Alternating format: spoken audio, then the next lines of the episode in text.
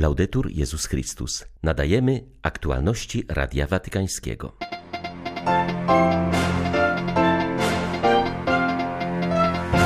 Caritas Europa ostrzega przed pogłębiającym się ubóstwem. Dotychczasowe działania rządów i instytucji unijnych są niewystarczające. Prymas Holandii odcina się od flamandzkich biskupów, którzy godzą się na błogosławienie homozwiązków. Jego zdaniem w ten sposób nie tylko sprzeciwiają się Watykanowi, ale wprowadzają w błąd wiernych. Algierskie władze zażądały od kościoła likwidacji miejscowej Caritas. 27 września witają Państwa Krzysztof Bronk i ksiądz Tomasz Matyka. Zapraszamy na serwis informacyjny.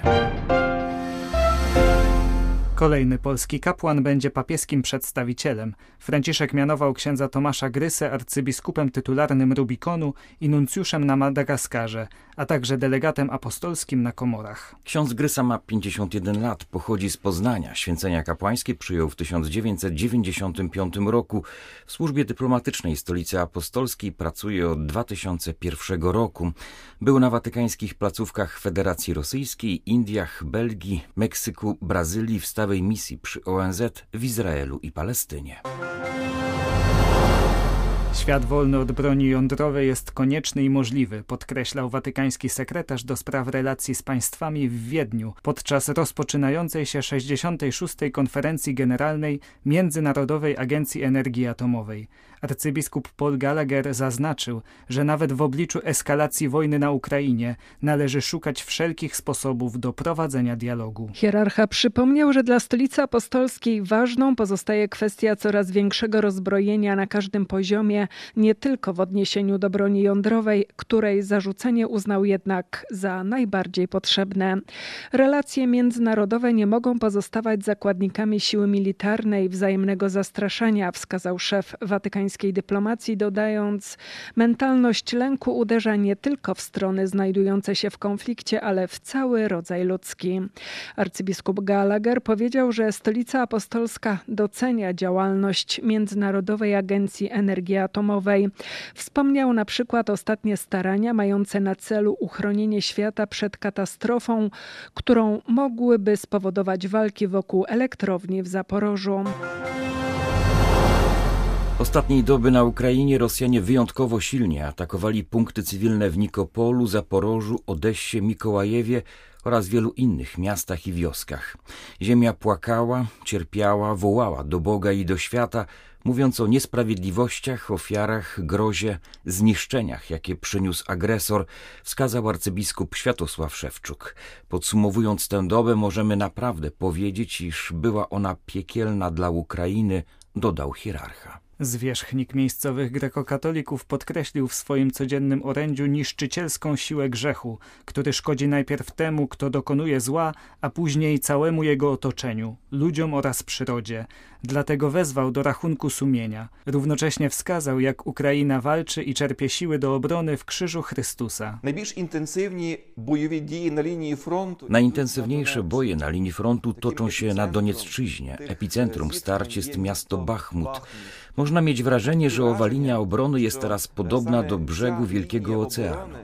Tak dziś wygląda ta cierpiąca doniecka ziemia, gdzie wciąż gromadzą się nowe fale rosyjskich okupantów, ale rozbijają się niczym morskie bałwany o mocną, nieprzełamaną obronę, jaką trzyma tam ukraińskie wojsko.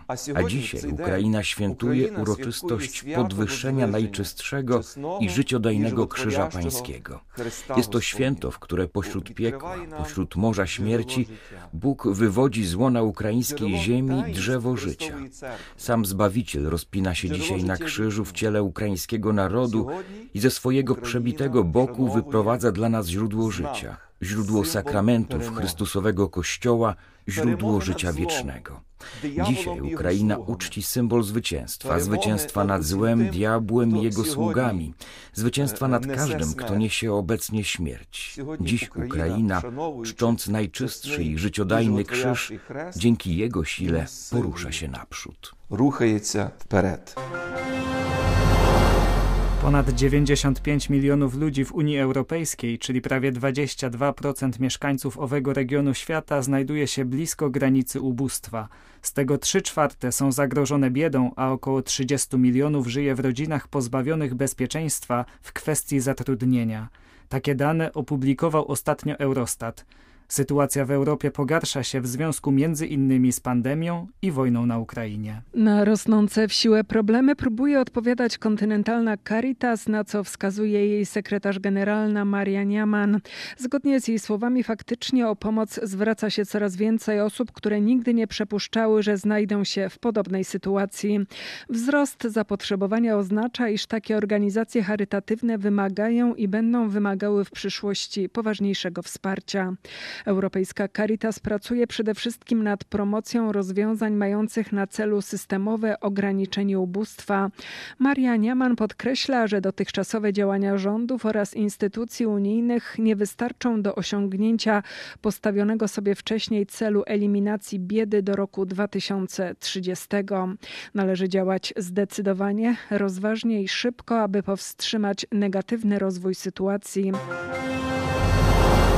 Prymas Holandii zajął stanowisko w sprawie deklaracji flamandzkich biskupów, którzy przed tygodniem ogłosili deklarację zezwalającą na błogosławienie par homoseksualnych.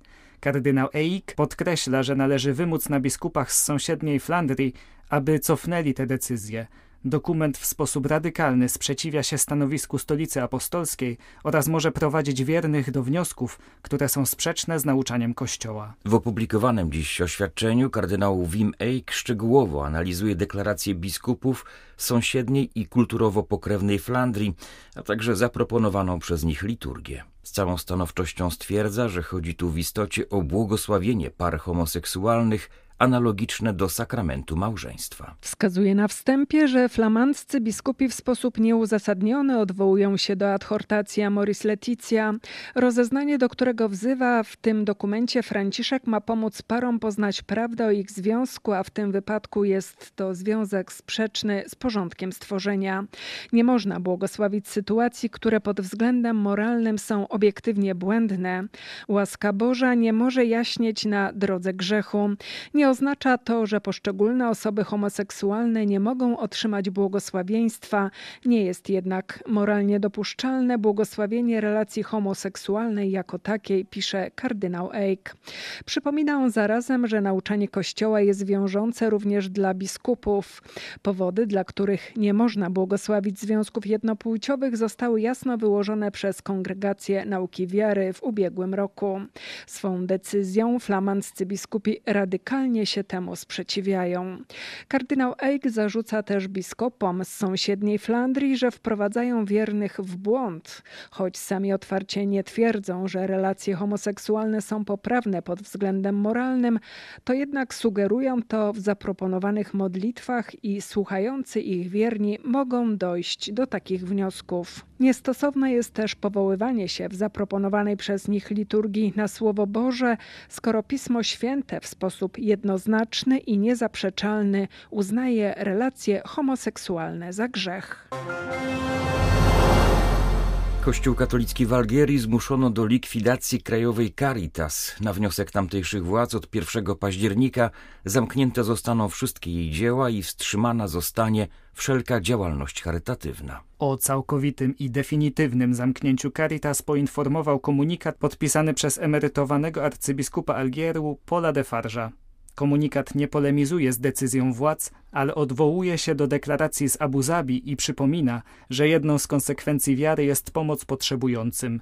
Caritas udzielała wsparcia najsłabszym warstwom społeczeństwa, a także zmierzającym do Europy migrantom. Władze Algierii nie podały żadnego uzasadnienia dla swojej decyzji. Przypuszcza się, że Caritas została uznana za zagraniczną organizację pozarządową. Diecezja rzymska organizuje kolejny kurs o winie w Biblii, historii Kościoła i sztuce. Nie byłoby w tym nic dziwnego, gdyby nie to, że przy lampce wina poprowadzi go znany świecki teolog, a jednocześnie mistrzowskiej klasy sommelier, Marco Kuma – Będziemy nie tylko czytać i rozmawiać o winie, ale także kosztować jego wybornych gatunków, mówi wskazując, że szlak przez winnicę to także nowa ewangelizacja. Trzy wcześniejsze edycje cieszyły się ogromnym zainteresowaniem, a enologia przyciągnęła na biblijny kurs także osoby niezwiązane z Kościołem. Na spotkaniach czytane będą m.in. fragmenty pieśni nad pieśniami i opis wesela w Kanie Galilejskiej.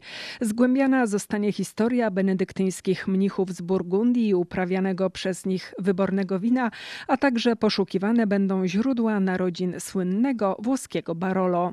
Będzie to podróż ze Słowem Bożym pośród aromatów i smaków, a także anegdot i ciekawostek, mówi ksiądz Francesco Indelicato, pomysłodawca kursów biblijnych przy winie, a zarazem szef Biura do Spraw Duszpasterstwa Wypoczynku Diecezji Rzymskiej. Spotkania łączące sakrum z profanum odbywać się będą przy rzymskim kościele świętego Saturnina. Towarzyszyć im będą słowa z księgi proroka Izajasza. Pan zastępów przygotuje dla wszystkich ludów ucztę z tłustego mięsa i najwyborniejszych win. Jak podkreśla prowadzący je teolog i sommelier, w odkrywaniu Jezusa, który jest krzewem winnym, a my jego latoroślami, towarzyszyć będzie degustacja francuskich, gruzińskich i włoskich win. Ostatnie spotkanie wokół cudów Kanie, podczas którego Jezus zamienił wodę w wino, zakończy się wspólnym dzieleniem przy lampce szampana. W kanadyjskiej ambasadzie przy stolicy apostolskiej zorganizowano dwudniowe warsztaty poświęcone rządowym programom wsparcia dla uchodźców. Wydarzenie ma pomóc w organizacji tego typu przedsięwzięć większej ilości krajów. Warsztaty rozpoczęło przyjrzenie się owocom działalności rządu kanadyjskiego.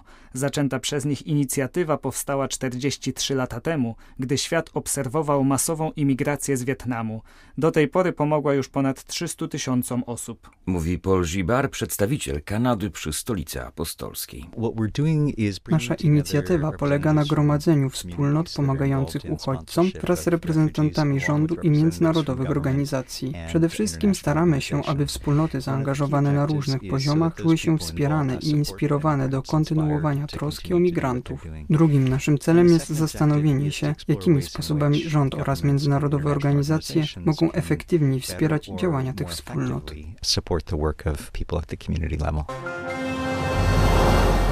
W Watykanie odbyła się konferencja poświęcona etyce inżynierii życia. Została ona zorganizowana przez Papieską Akademię Życia i Watykański Szpital Pediatryczny Bambino Gesù w Rzymie we współpracy z naukowcami z całego świata. Wskazano, że szybki postęp inżynierii biologicznej, takiej między innymi jak terapia genowa w leczeniu wielu chorób, wymaga otwartej debaty i jasnych zasad etycznych. To, że nauka czyni szybkie postępy nie oznacza, że mamy nad tym płakać, tylko musimy wskoczyć do pędzącego pociągu nauki z odpowiednimi wskazówkami etycznymi i gdy zachodzi taka potrzeba, skierować go na inny tor, mówił podczas konferencji Larw Stucki, odpowiedzialny za etykę badań naukowych na Uniwersytecie w Bazylei. Zauważył, że trzeba prowadzić konsekwentną debatę, ważyć potencjalne dobre i złe wyniki badań molekularnych i podejmować odważne decyzje. W Watykańskim Kongresie uczestniczyli nie tylko naukowcy, którzy edytują i kontrolują systemy biologiczne, ale również etycy, filozofowie, teolodzy i przedstawiciele mediów. Arcybiskup Vincenzo Paglia, który jest prezesem Papieskiej Akademii Życia, wskazał, że jej zadaniem jest podejmowanie refleksji nad dzisiejszym rozwojem naukowo-technologicznym, zwłaszcza w dziedzinie życia i zdrowia. Bardzo ważne jest promowanie wzajemnego poznania i zrozumienia między nauką i etyką. Na kongresie wskazano, że wartości i etyka nie są ograniczeniami lub przeszkodami dla innowacji i zmian, tylko stanowią kompas wyznaczający drogę, jak odpowiedzialnie i etycznie korzystać z najnowszych osiągnięć nauki. Były to aktualności Radia Watykańskiego. Laudetur Jezus Chrystus.